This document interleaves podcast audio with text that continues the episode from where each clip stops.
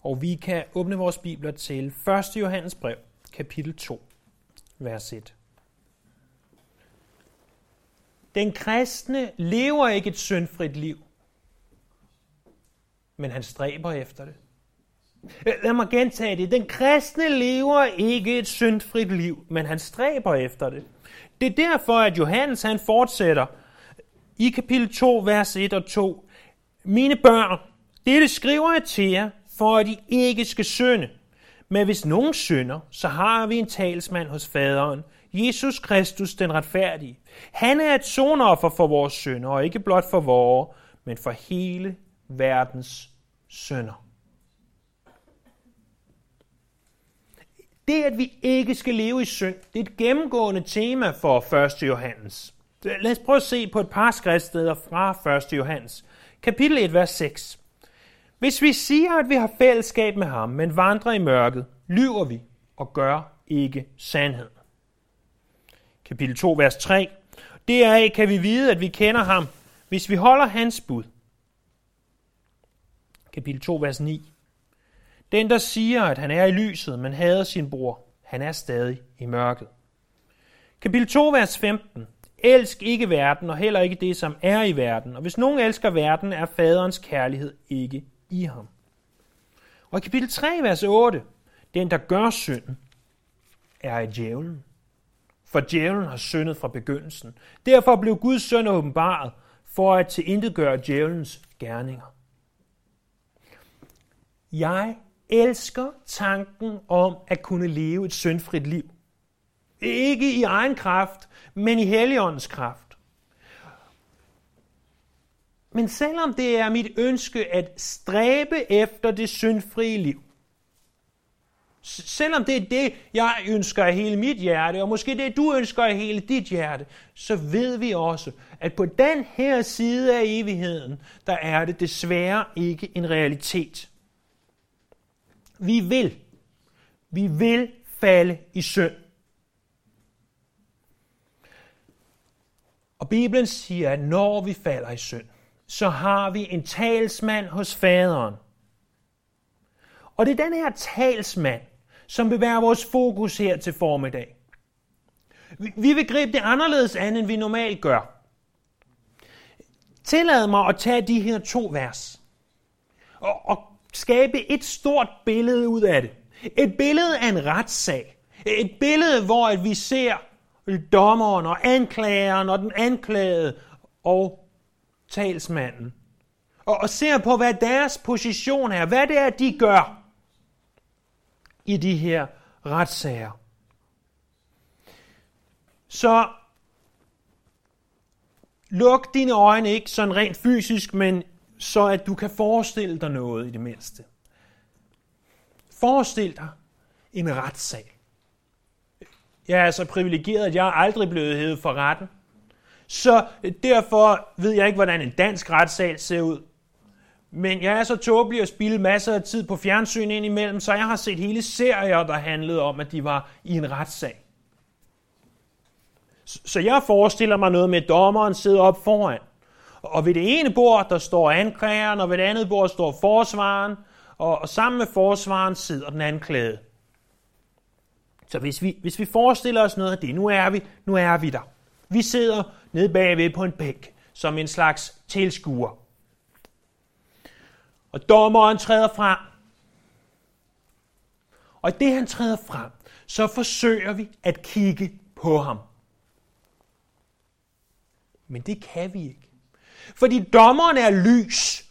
Dommeren er hellig. Dommeren er fuldstændig ren og adskilt for synd.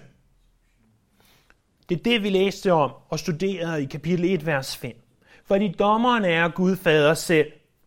Og han siger, jeg kan forstå, at vi i dag har at gøre med en person, der har syndet.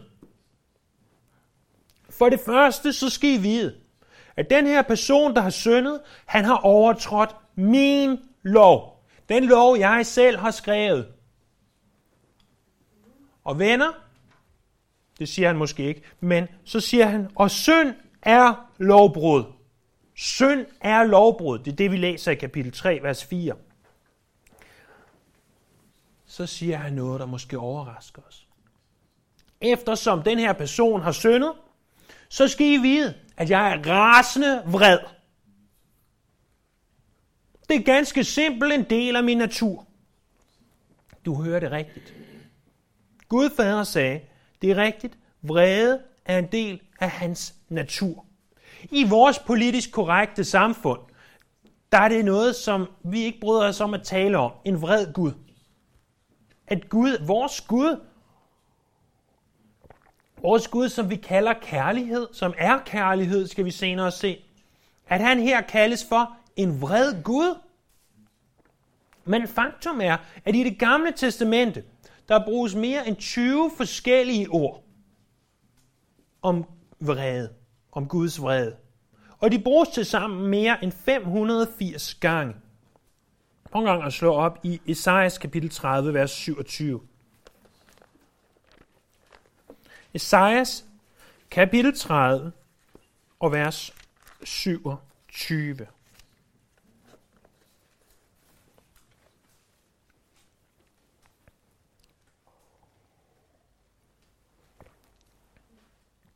Herrens navn kommer fra det fjerne. Hans vrede brænder vældig i kraft. Hans læber er fulde af vrede. Hans tunge er som fortærende ild. Hans ånde er som en flod, der vælter frem og når til halsen. Han ryster folkeslag til indedgørelsens sig. Et bissel, der fører vild, lægger han i folkenes gab. Og så i Ezekiels bog, kapitel 7 og vers 8. Ezekiel kapitel 7 og vers 8. Snart udløser jeg min harme over dig, giver min vrede mod dig frit løb. Jeg dømmer dig for din færd, gengælder dig alle dine afskyelige handlinger. Her er det ordet harme. Jeg udøser din harme over dig. Men så er der nogen, der fejlagtigt har sagt, den nytestamentlige Gud. Og må jeg lige stoppe et øjeblik? Det er det mest forfærdelige, vranglærenske, hvis det var et ord, udtryk, som man kan ytre. Der er ingen gammeltestamentlig Gud, og ingen nytestamentlig Gud. Der er én Gud. Jeg håber, vi kan slå det fast. Gud i det gamle testamente er den samme som Gud i det nye testamente.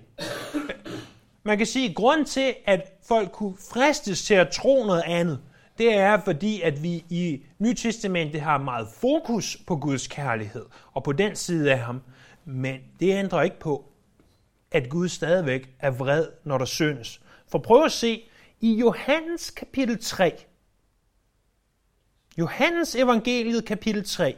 Det her kapitel, Johannes evangeliets tredje kapitel, det er jo der, vi finder det oftest citerede vers i Bibelen. For således elskede Gud verden. Men prøv at se, hvad vi også finder i vers 36. Den, der tror på sønnen, har evigt liv.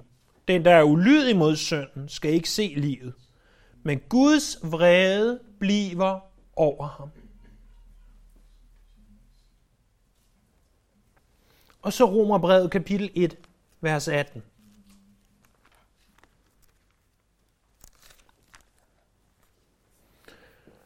For Guds vrede åbenbares fra himlen over al ugudelighed og uretfærdighed hos mennesker, der undertrykker sandheden med uretfærdighed.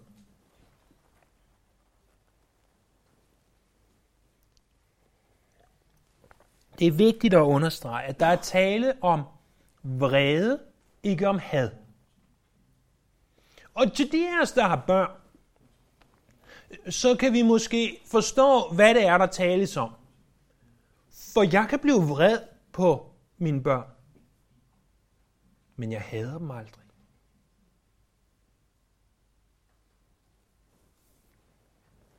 Og når vi sønder, så bliver Gud vred.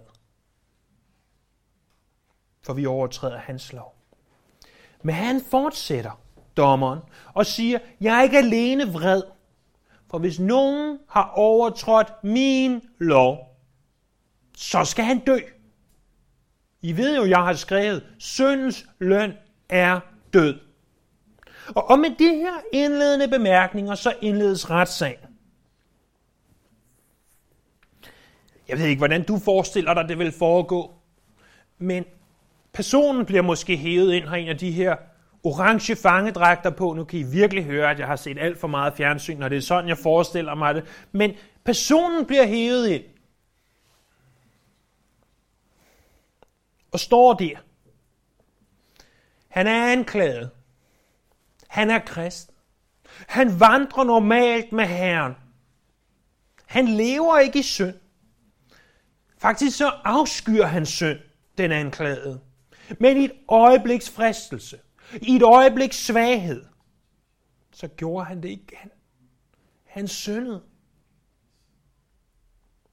Han er nemlig i blandt de nogen, der omtales der i kapitel 2, vers 1. Prøv at se, hvad der står i teksten. Hvis, men hvis nogen synder. Prøv at se, hvad der ikke står. Det er også interessant at se, hvad der ikke står i Bibelen. Det lærer os masser. Der står ikke, hvis tyven, hvis morderen, øh, hvis narkomanen, hvis den prostituerede synder. Der står heller ikke, hvis den selvretfærdige, eller farisæiske, eller loviske person synder. Der står bare, hvis nogen synder.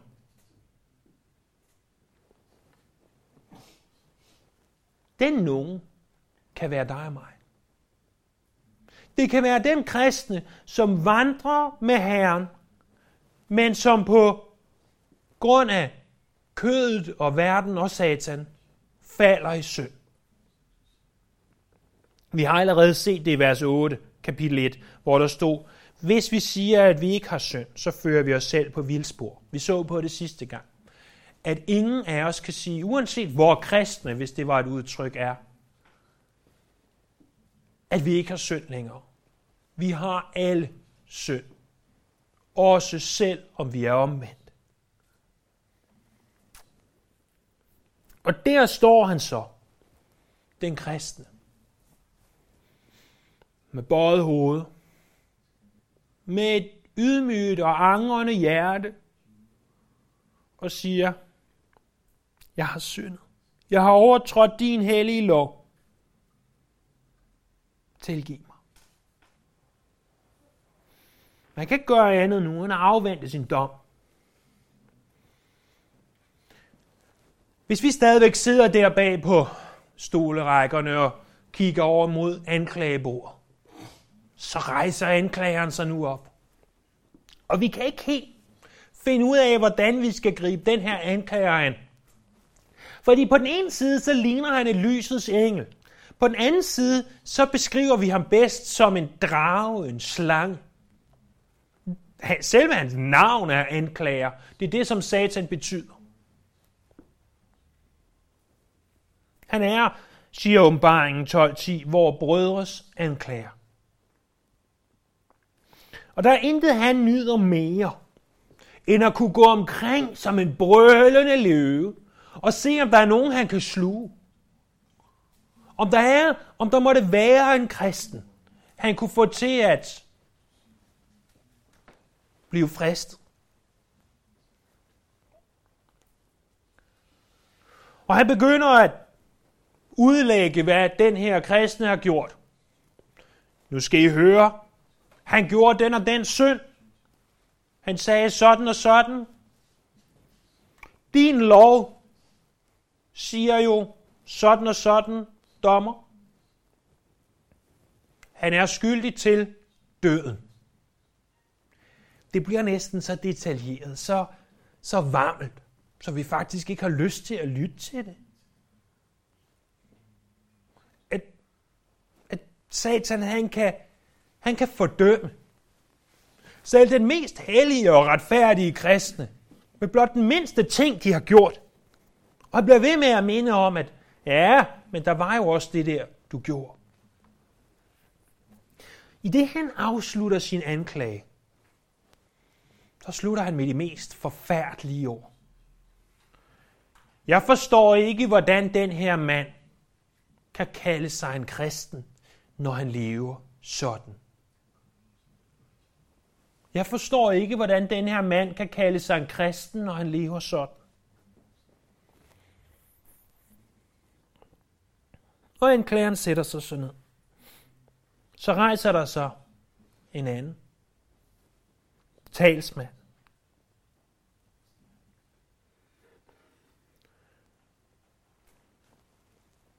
Han siger, jeg er overtræderens talsmand. Det her udtryk, talsmand, det kommer fra et ganske interessant græsk ord. Det kommer fra ordet parakletos. Det betyder bogstaveligt en, som man kalder til at stå ved sin side for at hjælpe sig. Eller en, der er kaldt til din side, hvis det skulle være helt bogstaveligt. Det fremkommer i alt fem gange i det nye testamente i. De fire af dem finder vi i Johannes evangeliet, kapitel 14-16.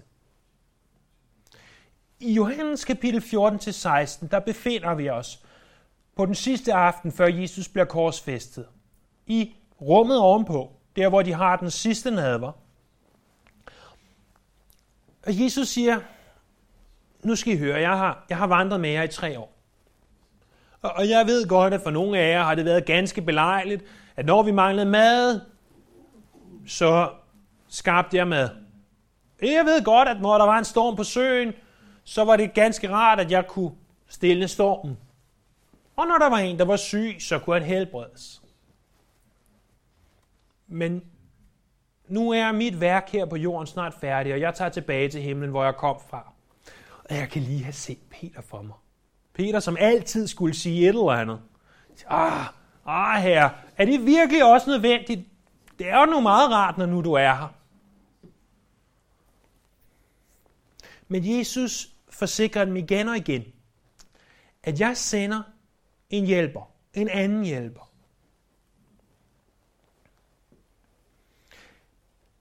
Og Johannes kapitel 14-16, der er den anden hjælper utvetydigt ham, som vi kalder Helligånden. Treenighedens tredje person. Det er ikke nogen stor overraskelse, at Jesus her i 1. Johannes brev kaldes hjælperen, eller talsmanden, eller parakletos. Øh, fordi at tilbage i kapitel 14, vers 16 af Johannes evangeliet, der siger Jesus, jeg vil sende jer en anden hjælper. Øh, det er sådan på græsk, at man har i hvert fald to ord for en anden. Og jeg kunne sige, den her kuglepen, den er gammel, gul og grå, den virker ikke. Har du en anden kuglepen? Og så kommer du med en anden kuglepen. Det er en anden af samme slags. Og om den er grå og gul og gammel, er sådan set ligegyldig, eller om den er frisk og ny og en anden farve, er fuldstændig underordnet. Det er en kuglepen, det er en anden af samme slags. Til de af jer, der måtte være interesseret, der er det græske ord, der bruges for det, alos. Ikke at det nok ændrer jeres liv at vide det, men det andet, som der bliver sagt i forbindelse med alt det her, det kan rent faktisk ændre vores liv. Så det er det, vi bygger op til. Så Jesus, han siger en anden af samme slags. Det er det, han siger her. Han kunne også have sagt en anden en anden slags. Hvis nu du var kommet med en blyant, eller en fjer, eller hvad? En smartphone, jeg kunne skrive på. Men det er ikke det, jeg vil have. Jeg vil have en allos. Jeg vil have en af samme slags. En anden af en samme slags. Og når Jesus tilbage i Johannes kapitel 14, vers 16 siger, jeg sender en anden hjælper. En anden af samme slags som mig selv. For Jesus var også, da han gik på jorden, en hjælper, en talsmand. En, der kom til en side og hjalp. Hvis vi så ser endnu mere specifikt på ordet i den her kontekst, så er den bedste definition, vi formodentlig kan give, en, der bliver kaldet til at stå ved vores side og hjælpe, altså forsvare os. Man har så på dansk valgt at oversætte ordet med talsmand. Jeg prøvede at slå op i nogle gamle bibler helt tilbage fra 1700-tallet. Der oversatte man det også med talsmand. Det er altså noget, man har gjort i mange hundrede år her i Danmark, og det er ikke uden grund. Fordi ordet talsmand defineres på ordnet som en person, der forsvarer en, taler en sag, eller lægger et godt ord ind for en. Og det dækker ganske godt, hvad det er, Parakletos egentlig er. En, der forsvarer os, en, der taler vores sag, en, der lægger et godt ord ind for en. Hvis vi skulle sige det på modernesk, så vil vi nok sige noget i retning af forsvarsadvokat. Og, og i det, at, at Parakletos eller talsmanden, han rejser sig op, så hører man med det samme anklageren, satan, viske, eller sige måske lidt for højlydt. I hørte dommeren, han er skyldig til døden. Han har overtrådt loven, han er skyldig til døden. I, i tanken, hvorfor overhovedet lade en forsvarsadvokat, hvorfor overhovedet lade en talsmand rejse sig op? Men så sker der det mest mærkværdige. Talsmanden, han går op til, til dommeren, og så siger han, far, det er rigtigt ham her, han har syndet. Men jeg kunne godt tænke mig lige at sige et par ord. I vores menneskelige verden, der vil der straks blev råbt inhabilitet. At sønnen er forsvarsadvokaten, og faren er dommeren. Det burde ikke kunne lade sig gøre, men her kan det lade sig gøre. Jeg ved godt, at han har syndet igen, siger han. Men du bliver simpelthen nødt til at høre, hvad du siger. Jeg kan godt forstå, at du er vred. Det er jo trods alt din lov, som bliver overtrådt. Men husk nu på, kære fader, at det var af den årsag, at du gjorde mig til et sonoffer. Det er det, vi læser der i vers 2, kapitel 2, vers 2. Han er et sonoffer for vores sønder. Til de af os, der ikke lige kan lide den teologiske definition af ordet sonoffer ud af ærmet, så lad mig prøve at forklare, hvad det er. Det er intet mindre end noget, som faktisk tages fra, fra hedensk religion. Mange de tænker også på guderne som vrede, og måden hvorpå, at vi kan formidle guderne, således de ikke udsletter os, det er ved at bringe dem et sonoffer.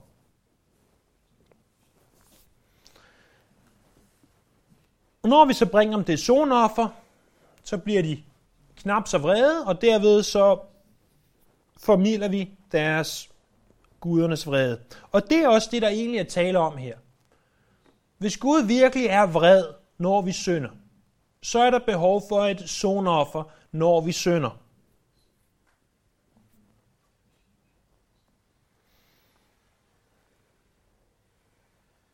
Det, der er forskellen på vores Gud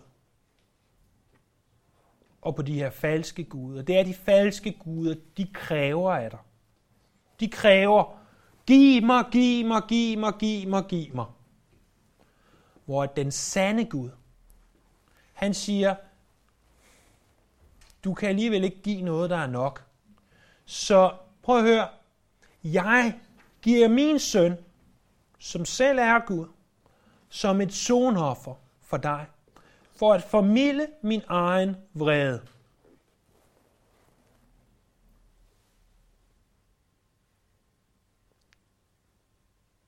Det er utroligt, uforståeligt og fantastisk på en og samme gang. Og talsmanden, han ikke bare siger, at jeg er et sonoffer. Han siger også, jeg kan godt forstå, hvordan den her kristne har det. Det er faktisk svært at være menneske. Det er svært at leve som en kristen. Der er så meget, der arbejder imod dem. Der er kødet, der er verden, der er satan, og jeg har fuld sympati for dem.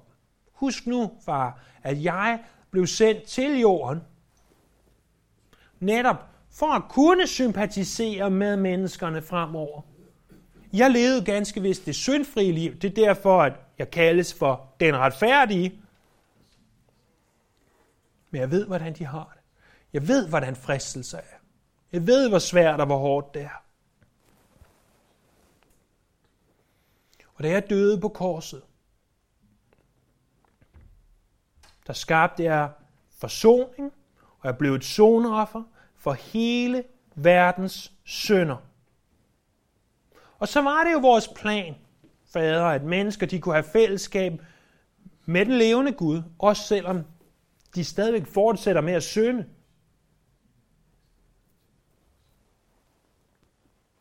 Der er bumstille. For vi ved godt, at det, der mangler, det er dommen, der skal afsiges.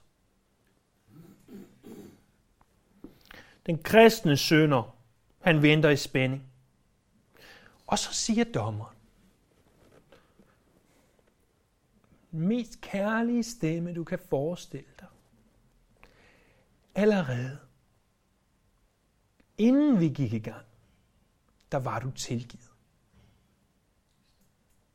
Alt det, som anklageren han sagde, det havde ingen praktisk betydning. Du er jo mit barn. Du er jo mit barn. Jeg har adopteret dig ind i min familie. Og jeg har selv sørget for, at den vrede, som der er, når at nogen synder, at den blev tilfredsstillet ved at sende min søn. Ikke for at fordømme verden, men for at frelse verden. Og jeg ved godt, du har overtrådt min bud. Og jeg ved godt, at min vrede bliver vækket ved det. Men min søn har taget straffen. Mit barn, du er frifundet. Gå ud og synd ej mere.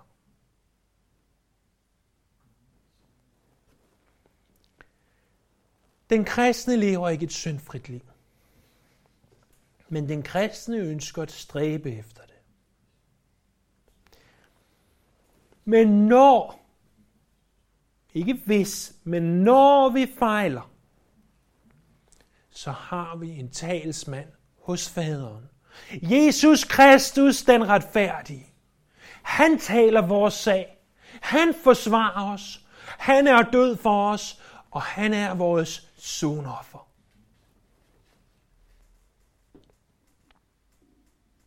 De her sandheder, venner, de er så dybe, så utrolige, at må vi bruge resten af vores dage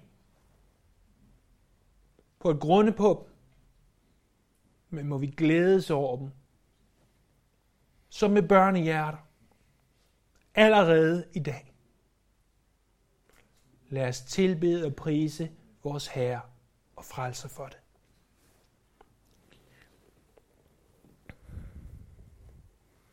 Himmelske Far, jeg våger ikke at påstå, at jeg forstår alt det her. Jeg ønsker at acceptere det i tro. Og mit hjerte det glædes virkelig. Jeg ved, når jeg er synder, at så står talsmanden der og taler på mine vegne. Og jeg beder her,